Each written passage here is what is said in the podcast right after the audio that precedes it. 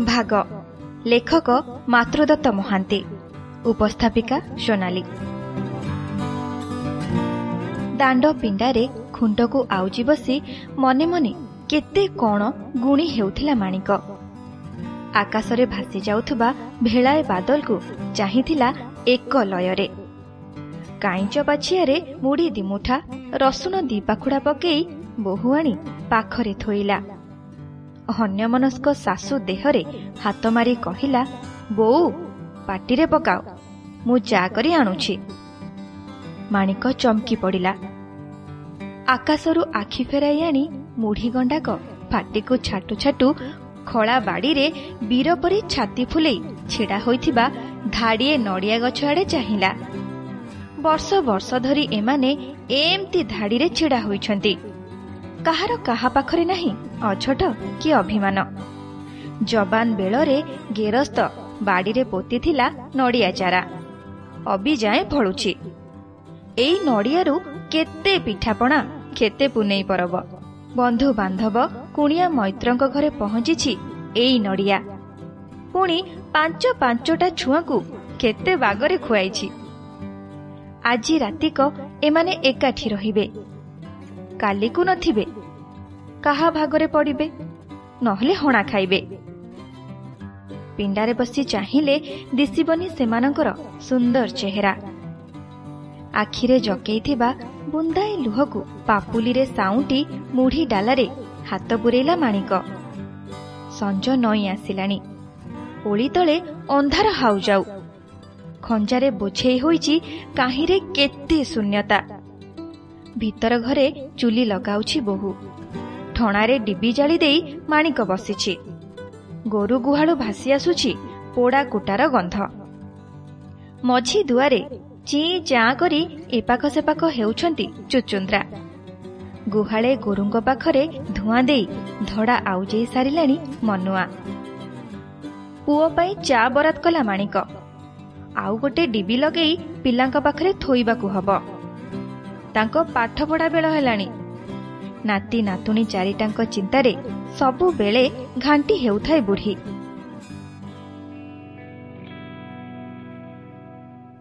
ଚାଷ ଉପରେ ଭରସା କରି ଚାଲିଛି ସାତପ୍ରାଣୀ କୁଟୁମ୍ବ।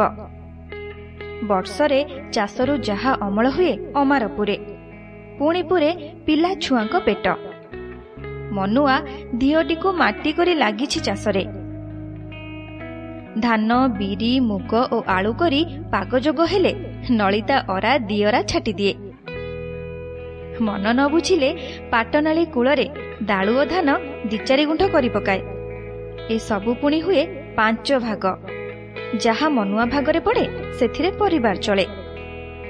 ଚାଷ ନ କଲେ ପେଟକୁ ଦାନା ପାଇବ କୋଉଠୁ? ଉପାସରେ ମରିଯିବେ ଛୁଆ ମାଇବ। ପିତ୍ତଳ ଗିଲାସରେ ଗିଲାସେ ଚା ଆଣି ପାଖରେ ଥୋଇଲା ବୋହୁ। ଡିବି ଆଲୁଅରେ ଖଞ୍ଜାଟା ଆଲୋକିତ ହେଉଥିଲା। ମଝିରେ ଚିତ୍ପଟାଙ୍ଗ ମାରି ପଡ଼ିଥିବା ପଥର ଦୁଆରଟା ବି ଖଣ୍ଡ ଖଣ୍ଡ ହୋଇଯିବା ଆଶଙ୍କାରେ ତୁନି ପଡ଼ିଥିଲା। କାଳିଆ ଧୂଆଁ ମେଳରେ ମାଣିକର ନୁଖୁରା ଚୁଟିକେରାକ ଆହୁରି ବିକୃତ ଦିଶୁଥିଲା। ଚା ଗିଲାସରେ ମୁହଁ ଲଗାଇଲା ବେଳେ ବୁଢ଼ୀ ମୁହଁର ଶୁଖିଲାପଣ ଫୁଟି ଦିଶୁଥିଲା ବେଶୀ ବେଶୀ। ପାଖରେ ମସିଣା ପକେଇ ବସି ପଡ଼ିଲା ମନୁଆ। ପାଟ ଜମି ନବା କଥା ଉଠିଲେ ତୁ ମନା କରିଦବୁ। ତୋ ବାପା ଥିଲା ଦିନଠାରୁ ସେଠି ଫସଲ ଭାରି ହିନିମାନିଆ ହୁଏ। ଧିଅକୁ ମାଟି କରି ଖଟିଲେ କ'ଣ ହବ? ଜମି ଖାଲୁଆ ଯୋଗୁଁ ଉଜୁଡ଼ି ଯାଏ ସବୁ। ମନୁଆକୁ ଜମି ବାବଦରେ ବୁଦ୍ଧି ଦେଉ ଦେଉ ମାଣିକର ଆଖି ଛଳ ଛଳ ହୋଇଆସିଲା। ଛାତିରେ ବସା ବାନ୍ଧିଥିବା କୋହ ତରଳିବା ଆରମ୍ଭ କରିଦେଲା। ତୋ ବାପା ଥିଲେ କ'ଣ ଏମିତି ସବୁ ହୋଇଥାନ୍ତା? ନା କାହାର ସାହସ ହୋଇଥାନ୍ତା ଜମି ଜମା ଭାଗ ବଣ୍ଟା କରିବାକୁ? କେତେ ମେହନତ କରି ଜମି ବାଡ଼ି କମେଇଥିଲା। ଏଇ ପାଞ୍ଚ ଖଣ୍ଡ ମଉଜାରେ କାହାର ଏତେ ଜମି ଥିବ ଯେ?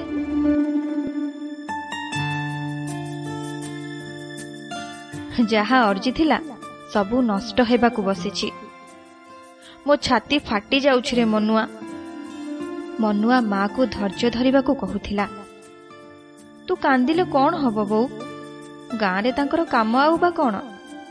ତୋ ପୁଅମାନେ ତ ବଡ଼ ଚାକିରି କଲେ। ଘରଦ୍ୱାର କରି ସହରରେ ରହିଲେ। ଏଠୁ ଜମିବାଡ଼ି ବିକିଦେବେ। ତା ଛଡ଼ା ସିଏ ତ ତାଙ୍କ ଭାଗ ବିକିବେ। କାହାର କ'ଣ କହିବାର ଅଛି? ପୁଅ କଥାରେ ଚିଡ଼ି ଉଠିଲା ମାଣିକ। ସେଗୁଡ଼ାକ କ'ଣ ଜମି କରିଥିଲେ ଯେ ଭାଗ ବସେଇବାକୁ ଆସୁଛନ୍ତି? ମୋ ପେଟରୁ ବାହାରି ଏମାନେ ଭଗାରି ହେବେ ବୋଲି ମୁଁ ଭାବିନଥିଲି ଲୁଗା କାନିରେ ଆପଣାର ଲୁହ ପୋଛିଲା ବେଳେ ଧୈର୍ଯ୍ୟହରା ହୋଇପଡ଼ୁଥିଲା ମାଣିକ। ମା କଥା ଶୁଣି ମନୁଆ କହିଲା କାଲି ସକାଳୁ ସେମାନେ ଆସିବେ ବୋଲି କହିଛନ୍ତି। ଭଦ୍ରଲୋକମାନେ ଆସି ଠିକ୍ ସମୟରେ ପହଞ୍ଚିବେ। ଜମିପଟା ମୁଁ ବାହାର କରି ରଖିଛି। ଦ୍ୱିପହର ସୁଦ୍ଧା ଭାଗବଣ୍ଟା ସରିଯିବ। ପାଞ୍ଚ ଜଣ ବସି ଯାହା ନ୍ୟାୟ କରିବେ ମୋର ସେଥିରେ କ'ଣ କହିବାର ଅଛି? ମୋ ଭାଗରେ ଯାହା ପଡ଼ିବ ତାହା ମୋର ଭାଗ୍ୟ ଲୋବଉ ମୁଁ ପାଟ ଜମିକୁ କେମିତି ମନା କରିବି କହିଲୁ? ପୁଅ କଥା ଶୁଣି ଚୁପ୍ ରହିଲା ମାଣିକ। ଏଇ ତ ଭାଗବଣ୍ଟାର ନିୟମ ଆଉ ଅଧିକ କିଛି କହିବା ପାଇଁ ବାଟ ଖୋଜି ପାଉନଥିଲା ସେ। ଡିବିରୁ ବାହାରୁଥିବା ଧୂଆଁ ଗୋଲ ଗୋଲ କୁଣ୍ଡଳି କାଟି ଶୂନ୍ୟରେ ହଜି ଯାଉଥିଲା। ରାତିର ବୟସ ବଢ଼ିବାରେ ଲାଗିଥିଲା। ଦାଣ୍ଡ ପିଣ୍ଡାରେ ବିଛେଇ ହୋଇ ପଡ଼ିଛି ବଡ଼ ଦରି। ପିତ୍ତଳ ଥାଳିରେ ଦିକଣ୍ଡା ହେବ ଭଙ୍ଗାପାନ। ପାଖରେ ଢାଳେ ପାଣି। ଗିଲାସ ଗୋଟା। ହାତରେ ଜମିପଟା ଧରି ବସିଛନ୍ତି ଭଦ୍ରଲୋକ। ଭଦ୍ରଲୋକଙ୍କୁ ବେଢ଼ି ବସିଛନ୍ତି ପାଞ୍ଚ ଭାଇ। ବିଭିନ୍ନ ମୌଜାର ଜମିବାଡ଼ି ହିସାବ ସରିଲା। ଏଣିକି କିଏ କୋଉ ଭାଗ ନେବ ତା ଫଇସଲା କରିବା। ଦକ୍ଷିଣ ନହେଲେ ପଶ୍ଚିମ ପଟରୁ ଘରବାଡ଼ି ବଡ଼ ପୁଅ ନବ। ପୁଣି ବଡ଼ ପୁଅର ଜ୍ୟେଷ୍ଠା ଭାଗ ସିଏ ପାଇବ। ବାପା ମାର ପିଣ୍ଡ କରିବ ସିଏ। ତା ପଛକୁ ପଛ ଭାଗ ପଡ଼ିବ ଅନ୍ୟ ଭାଇମାନଙ୍କର। ଦାଣ୍ଡ ବାଡ଼ି ପୁରୁଣା ପୋଖରୀ ଖଳା ବାଡ଼ି ବଡ଼ ତୋଟା ବାଉଁଶ ବାଡ଼ି ଇଜିମାଇଲରେ ରହିବ। ନା କ'ଣ କହୁଛ? ଚଷମା ଫାଙ୍କରୁ ଆଖି ନଚେଇ ପ୍ରଶ୍ନ କଲା ପଲେଇ ବୁଢ଼ା। ମାଣିକ ଦୁଆରବନ୍ଧ ପାଖରେ କାନିରେ ମୁହଁ ଢାଙ୍କି ଭାଗବଣ୍ଟା ଉପରେ ନଜର ରଖିଥାଏ। ଭଦ୍ରଲୋକଙ୍କ ଟିକିନିଖି ଆଲୋଚନା ଶୁଣୁଥାଏ। ଗ୍ରାମ ଦେବତୀଙ୍କ ଉଦ୍ଦେଶ୍ୟରେ ଲକ୍ଷେ ମୁଣ୍ଡିଆ ମାରୁଥାଏ। ବୁଢ଼ୀର ସାନ ପୁଅ ପ୍ରତି ଭାରି ଲୋଭ। ବଡ଼ ଚାରିପୁଅ ଚାକିରି ବାକିରି କରି ସହରରେ ବସା ବାନ୍ଧିଲେ। ବିଚରା ମନୁଆ ଗାଁରେ ରହି ବାପ ସମ୍ପତ୍ତି ଦେଖିଲା। ଚାଷବାସ ସମ୍ଭାଳିଲା। ଗଧ ଭଳି ଖଟି ଖଟି ଭାଇମାନଙ୍କର ଭାଗ ସହରକୁ ବୋହିଲା। ମୁଗ ବିରି କୋଳଥ ଆଳୁ ନଡ଼ିଆ ପଣସ ସମାନ ଭାଗ କରି ଟେକିଦେଲା ଭାଇମାନଙ୍କ ହାତକୁ। ମାଇପଦାର ଦେଇ ପିଣ୍ଡିରେ ନିଇତି ସଞ୍ଜଦୀପ ଜାଳିଲା। ବଡ଼ ବଡ଼ୁଆଙ୍କୁ ପିଣ୍ଡ ପାଣି ଦେଲା। ଘର ମାଣ ଦାୟିତ୍ୱ ସମ୍ଭାଳିଲା। ବର୍ଷକ ବାର ମାସ ଯାବତୀୟ ଜାନି ଯାତରା ଠାକୁର ଭୋଗଖିଆ ଶ୍ୱଶୁର ପିଣ୍ଡ ନିଷ୍ଠାରେ କଲା। ଶେଷକୁ ଜମି ଭାଗବଣ୍ଟା କରି ଗାଁ ମାଟିରୁ ସମ୍ପର୍କ ଛିଣ୍ଡେଇ ଦେବାକୁ ବସିଛନ୍ତି ଭାଇମାନେ। ଏ ମୂଲିଆ ଭାଇଟାର ଦୁଃଖ ପ୍ରତି ଛଣ୍ଡାଳଗୁଡ଼ାଙ୍କର ଟିକେ ହେଲେ ବି ନାହିଁ। ପୁଣି ଥରେ ଯୋଡ଼ ହସ୍ତ ମୁଣ୍ଡରେ ମାରିଲା ମାଣିକ। ପଲେଇ ବୁଢ଼ା କଥା ଶୁଣି ଚିହିଁକି ଉଠିଲା ବଡ଼ ପୁଅ। କହିଲା ନା ନା ଏମିତି ବଣ୍ଟା ହବନି। ମୁଁ ଯାହା କହୁଛି କର। ଇଜିମାଇଲ କଥା ଉଠାନା। ଜମିବାଡ଼ିରେ ପୁଣି ଇଜିମାଇଲ କ'ଣ? ଆମେ କ'ଣ ଏଠି ପୋଖରୀ ତୋଟା ଦାଣ୍ଡ ଜଗି ବସିବୁ ନା କ'ଣ? ନା ଦାଣ୍ଡରେ ଆମର ପିଲାଛୁଆଙ୍କ ବାହାଘର କରିବୁ? ଇଜିମାଇଲ କିଛି ରହିବନି। ଚାଷ ଜମି ମୋ ଠାରୁ ବାଣ୍ଟିବା ଆରମ୍ଭ କର। କହିଲେ ମୋ ଜ୍ୟେଷ୍ଠା ଭାଗ ମତେ ଦିଅ। ପଲେଇ ବୁଢ଼ା କହିଲା ବାପ ତୁ ତ କହୁଛୁ ଗାଁରେ ବସି ରହି ଦାଣ୍ଡବାଡ଼ି ଜଗିବୁନି। ପୁଣି ଜ୍ୟେଷ୍ଠା ଭାଗ? ତୁମେ ଏତେ କଥାରେ ମୁଣ୍ଡ ପୁରାଅନି ମଉସା। ଯେମିତି କହିଲି ସେମିତି ଭାଗବଣ୍ଟା କର ମନୁଆ ଚୁପ୍ ହୋଇ ବସିଥାଏ। ଅନ୍ୟ ଭାଇମାନେ ତରତର ହେଉଥାନ୍ତି। କାମ ସାରି ଶୀଘ୍ର ଫେରିବାକୁ ହେବ। ନହେଲେ ଏଠି ନାଲି ଚାଉଳ ଭାତ ସାଙ୍ଗକୁ ମୁଗ ଡାଲି ଖାଇବା ପାଇଁ ପଡ଼ିବ ଯେ। ଶୀଘ୍ର ବାଣ୍ଟକୁଣ୍ଟ ସାରିବା ପାଇଁ ସମସ୍ତେ ଏକ ସ୍ୱରରେ ଗର୍ଜି ଉଠିଲେ। ବିଚରା ପଲେଇ ବୁଢ଼ା। ଥ ଥ ମ ମ ହୋଇ କାଗଜ କଷିବାରେ ଲାଗିଲା। ବେଳ ଗଡ଼ି ଯାଉଛି। ଘର ଡିହ ସମେତ ଚାଷ ଜମି ସବୁ ବଣ୍ଟା ହେବ। ସମସ୍ତେ ଚାହିଁ ରହିଥାନ୍ତି କାହା ଭାଗରେ କ'ଣ ପଡ଼ିବ। ମାଣିକ ଭାବୁଥାଏ ଭାଗ ଭାଗ ହୋଇଯିବ ସୁରିଆ ମହାନ୍ତିର ଯେତେ ସ୍ୱଅର୍ଜିତ ସମ୍ପତ୍ତି। ବଡ଼ ବିଲରେ ହିଡ଼ ଉଠିବ। ପୋଖରୀ ଖଳାବାଡ଼ି ଆମ୍ବ ତୋଟା ଜାତି ଅଜାତି କାହା ହାତରେ ଟେକିଦେବେ ଏ ଚଣ୍ଡାଳ ଗୁଡ଼ାକ ବେଶ କିଛି ସମୟ ଖଡ଼ିକୁ ତଳେ ଖୋସାରି ଚାଲିଥିଲା ପଲେଇ ବୁଢ଼ା। ଓଠ ସନ୍ଧିରୁ ପାନ ପିକ ବୋହି ପଡ଼ିବା ଆଗରୁ ସେ ସବୁକୁ ସାଉଁଟି ନେଇ ମୁଣ୍ଡ ଟେକିଲା ବୁଢ଼ା। ଏଣିକି ଘର ଡିହରୁ ଆରମ୍ଭ ହେବ ବାଣ୍ଟ ବଡ଼ପୁଅ କହିଲା ଆମେ କେହି ଘର ଡିହରୁ ଇଞ୍ଚେ ବି ନେବୁନି। ବାପାଙ୍କ ଅମଳର ପୁରୁଣା ଚାଳ ଛପର ଖଞ୍ଜାଟା ପଡ଼ିଛି। ମନୁଆ ବର୍ଷ ବର୍ଷ ଧରି ଏଠି ରହୁଛି। ତାକୁ ଡିହ ଦେଇଦିଅ ଡିହକୁ ଲାଗି ଖଳାବାଡ଼ି ନଡ଼ିଆବାଡ଼ି ବାଉଁଶ ବୁଦା ମୋଠାରୁ ବାଣ୍ଟିବା ଆରମ୍ଭ କର। ଏକଥା ଶୁଣି ତଳେ କାଟିଥିବା ଗାର କେଇଟାକୁ ପୁଣି ଥରେ ପଲେଇ ବୁଢ଼ା ଘଷିବାରେ ଲାଗିପଡ଼ିଲା। ହଁ ଡିହ ଛାଡ଼ିଦେବା ମନୁଆ ପାଇଁ। ଘର ଡିହକୁ ଲାଗିଥିବା ନଡ଼ିଆବାଡ଼ି ଆମ୍ବ ତୋଟା ପୋଖରୀ ସବୁ ବଡ଼ ଭାଇ ଆଉ ତା ତଳ ଭାଇର। ବିଭିନ୍ନ ମୌଜାରେ ଥିବା ଚାଷ ଜମିକୁ ସମାନ ପାଞ୍ଚ ଭାଗ କଲି। ସବୁ ଜାଗାରେ ବଡ଼ ଭାଇର ଆଗ। ତା ପଛକୁ ପଛ ସବୁ ତମର। ମନୁଆ ସାନ। ସବୁଆଡ଼େ ଶେଷ ଅଂଶରେ ସେ ହିଁ ରହିଲା। ପାଟ ଜମି ସବୁ ମନୁଆର। ଚାଷବାସ କରି ଚଳିବ। କେଳା ଜ୍ୱର ଅମୃତମଣ ହୋଇ ଗୋଖା ପୋଖରୀ ଆମ୍ବତୋଟା ଏମିତି ସବୁ ଜାଗାରେ ବଡ଼ ପୁଅର ଆଗ ବାଣ୍ଟ ମନ୍ଦିର ପାଖ ରାସ୍ତାକଡ଼ର ଜାଗା ଜ୍ୟେଷ୍ଠା ଭାଗ ହିସାବରେ ବଡ଼ ପୁଅ ହାତକୁ ଗଲା। ଏକା ନିଶ୍ୱାସରେ ଏତକ କହି ଗିଲାସେ ପାଣି ଟେକିଦେଲା ପଲେଇ ବୁଢ଼ା। ଆଉ କାହାର କିଛି କହିବାର ଅଛି କି ବୋଲି ପଚାରିବାରୁ ସମସ୍ତଙ୍କ ମୁହଁରେ ଆନନ୍ଦ ଖେଳିଗଲା। ମନୁଆ ନୀରବରେ ବସି ସବୁ ଶୁଣୁଥାଏ। ବଡ଼ ଭାଇମାନଙ୍କ କଥାରେ କଥା କହିବାର ପରମ୍ପରା ତାଙ୍କ ପରିବାରରେ ନାହିଁ। ଏକଥା ବାପା ଶିଖେଇ ଦେଇ ଯାଇଛନ୍ତି। ବୁଢ଼ା ଛେପ ଢୋକି କହିଲା ହଁ ବାପାର ସମାଧି ଜାଗାଟା ଇଜିମାଇଲ ରଖି ଦିଆଯାଉ। ବଡ଼ କହିଲା ନା ନା ସେ ଜାଗା କାହାର କ'ଣ କାମରେ ଆସିବ? ଆମ ପୁଅମାନେ କ'ଣ ଏଠିକି ଆସି ଆମ ସମାଧି ତିଆରି କରିବେ ଏ ମଫସଲରେ? ସେ ସମାଧି ବାଡ଼ି ମନୁଆ ଭାଗରେ ରହୁ। ସେଠି ବୋଉ ସମାଧି ତିଆରି ହେବ। ବଣ୍ଟନ ପତ୍ର ଲେଖାଗଲା। ଦସ୍ତଖତ ପାଇଁ ଭାଇମାନେ ପକେଟରୁ କଲମ କାଢ଼ିଲେ। ଭାଗ ଭାଗ ହେଇଗଲା ସୂର୍ୟା ମହାନ୍ତିର ସବୁ ସମ୍ପତ୍ତି। ଭାଗବଣ୍ଟାର ସବୁ ନୀତି ନିୟମକୁ ଜଳାଞ୍ଜଳି ଦେଇ ଭଦ୍ରଲୋକମାନେ ଭାଗବଣ୍ଟାର ଫଇସଲା କରିଦେଲେ। ଆଖି ଆଗରେ ଚିରି ହୋଇଗଲା ଖଳା ଆମ୍ବତୋଟା ସମାଧିବାଡ଼ି।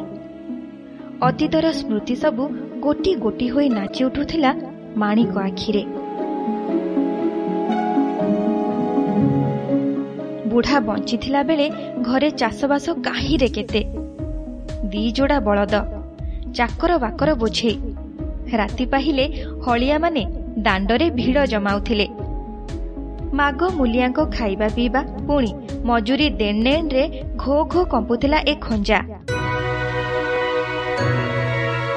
ମଜୁରୀ ଦେଣନେଣରେ ଘୋ ଘୋ କମ୍ପୁଥିଲା ଏଇ ଖଞ୍ଜା।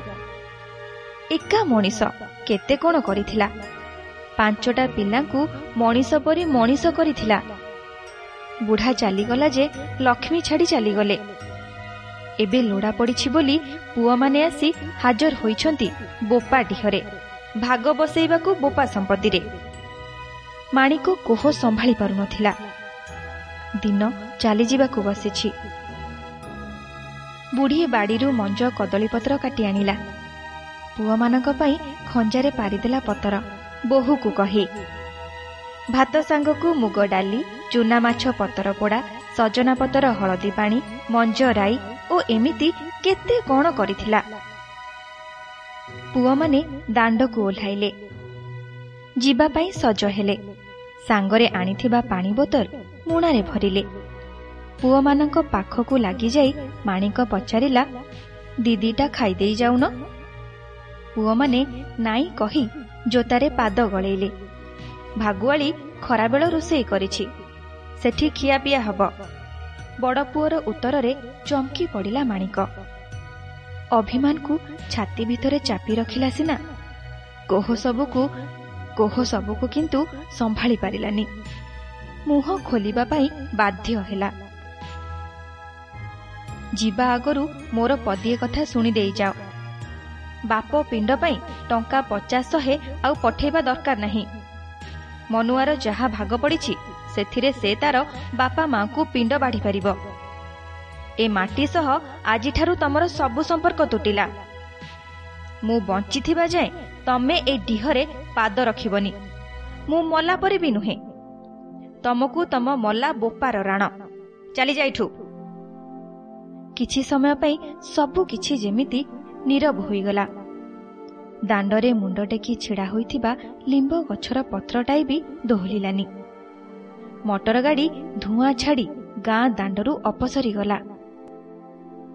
ଖୁଣ୍ଟକୁ ଆଉଜି ବସି କେତେ କ'ଣ ଭାବୁଥିଲା ମନୁଆ। ମାଣିକ ଲାଗିଗଲା ତା ଆଡ଼େ ତୁ ମନ ଦୁଃଖ କର ରେ ମନୁ। ମୋ ପେଟରୁ ବାହାରି ଏଗୁଡ଼ା ଭଗାରି ସାଜିବେ କିଏ ଜାଣିଥିଲା? ମନୁଆ କହିଲା ବୁଝିଲୁ ବୋଉ ସେମାନେ କ'ଣ ନେଇଗଲେ ଯେ ତୁ ଏମିତି ଭାଳି ହଉଛୁ? ତୁ ଜାଣିନୁ ଲୋ ବୋଉ ମୋତେ ସବୁଠୁ ଭଲ ଜିନିଷ ମିଳିଛି। ମୋ ଭାଗରେ ମୋ ବାପା ବୋଉଙ୍କ ଶ୍ରାଦ୍ଧ ସେବା ପଡ଼ିଛି। ଘର ଦେଇ ପିଣ୍ଡି ମାଣସେର ପଡ଼ିଛି। ସବୁଠାରୁ ମୂଲ୍ୟବାନ ସମ୍ପତ୍ତି ମୋ ବୋଉକୁ ସେମାନେ ମୋ ପାଖରେ ଛାଡ଼ି ଦେଇ ଯାଇଛନ୍ତି। ୟାଠାରୁ ଆଉ ବଡ଼ ଭାଗ କ'ଣ ଅଛି କହିଲୁ? ସେମାନେ ଯାହା ସବୁ ନେଇଛନ୍ତି ତାହା ସବୁ ମାଟି। ବିକିଲେ ମୁଠା ମୁଠା ଟଙ୍କା ଯାହା ମିଳିବ। ମୋ ସମ୍ପତ୍ତିର ଯତ୍ନ ନେଲେ ମୋତେ ଯେଉଁ ପୁଣ୍ୟ ମିଳିବ ସେମାନେ କାଉଁ ପାଇବେ? ମୋ ଭାଗରେ ସୁନା ମୁଣ୍ଡା ସେମାନଙ୍କ ଭାଗରେ ମାଟି ମୁଠା ପଡ଼ିছিল ବୋଉ। ମୋ ଭାଗରେ ତୁ ପଡ଼ିଛୁ। ମାଣିକ ଆଖିରୁ ଧାର ଧାର ଲୁହ ଝରୁଥିଲା।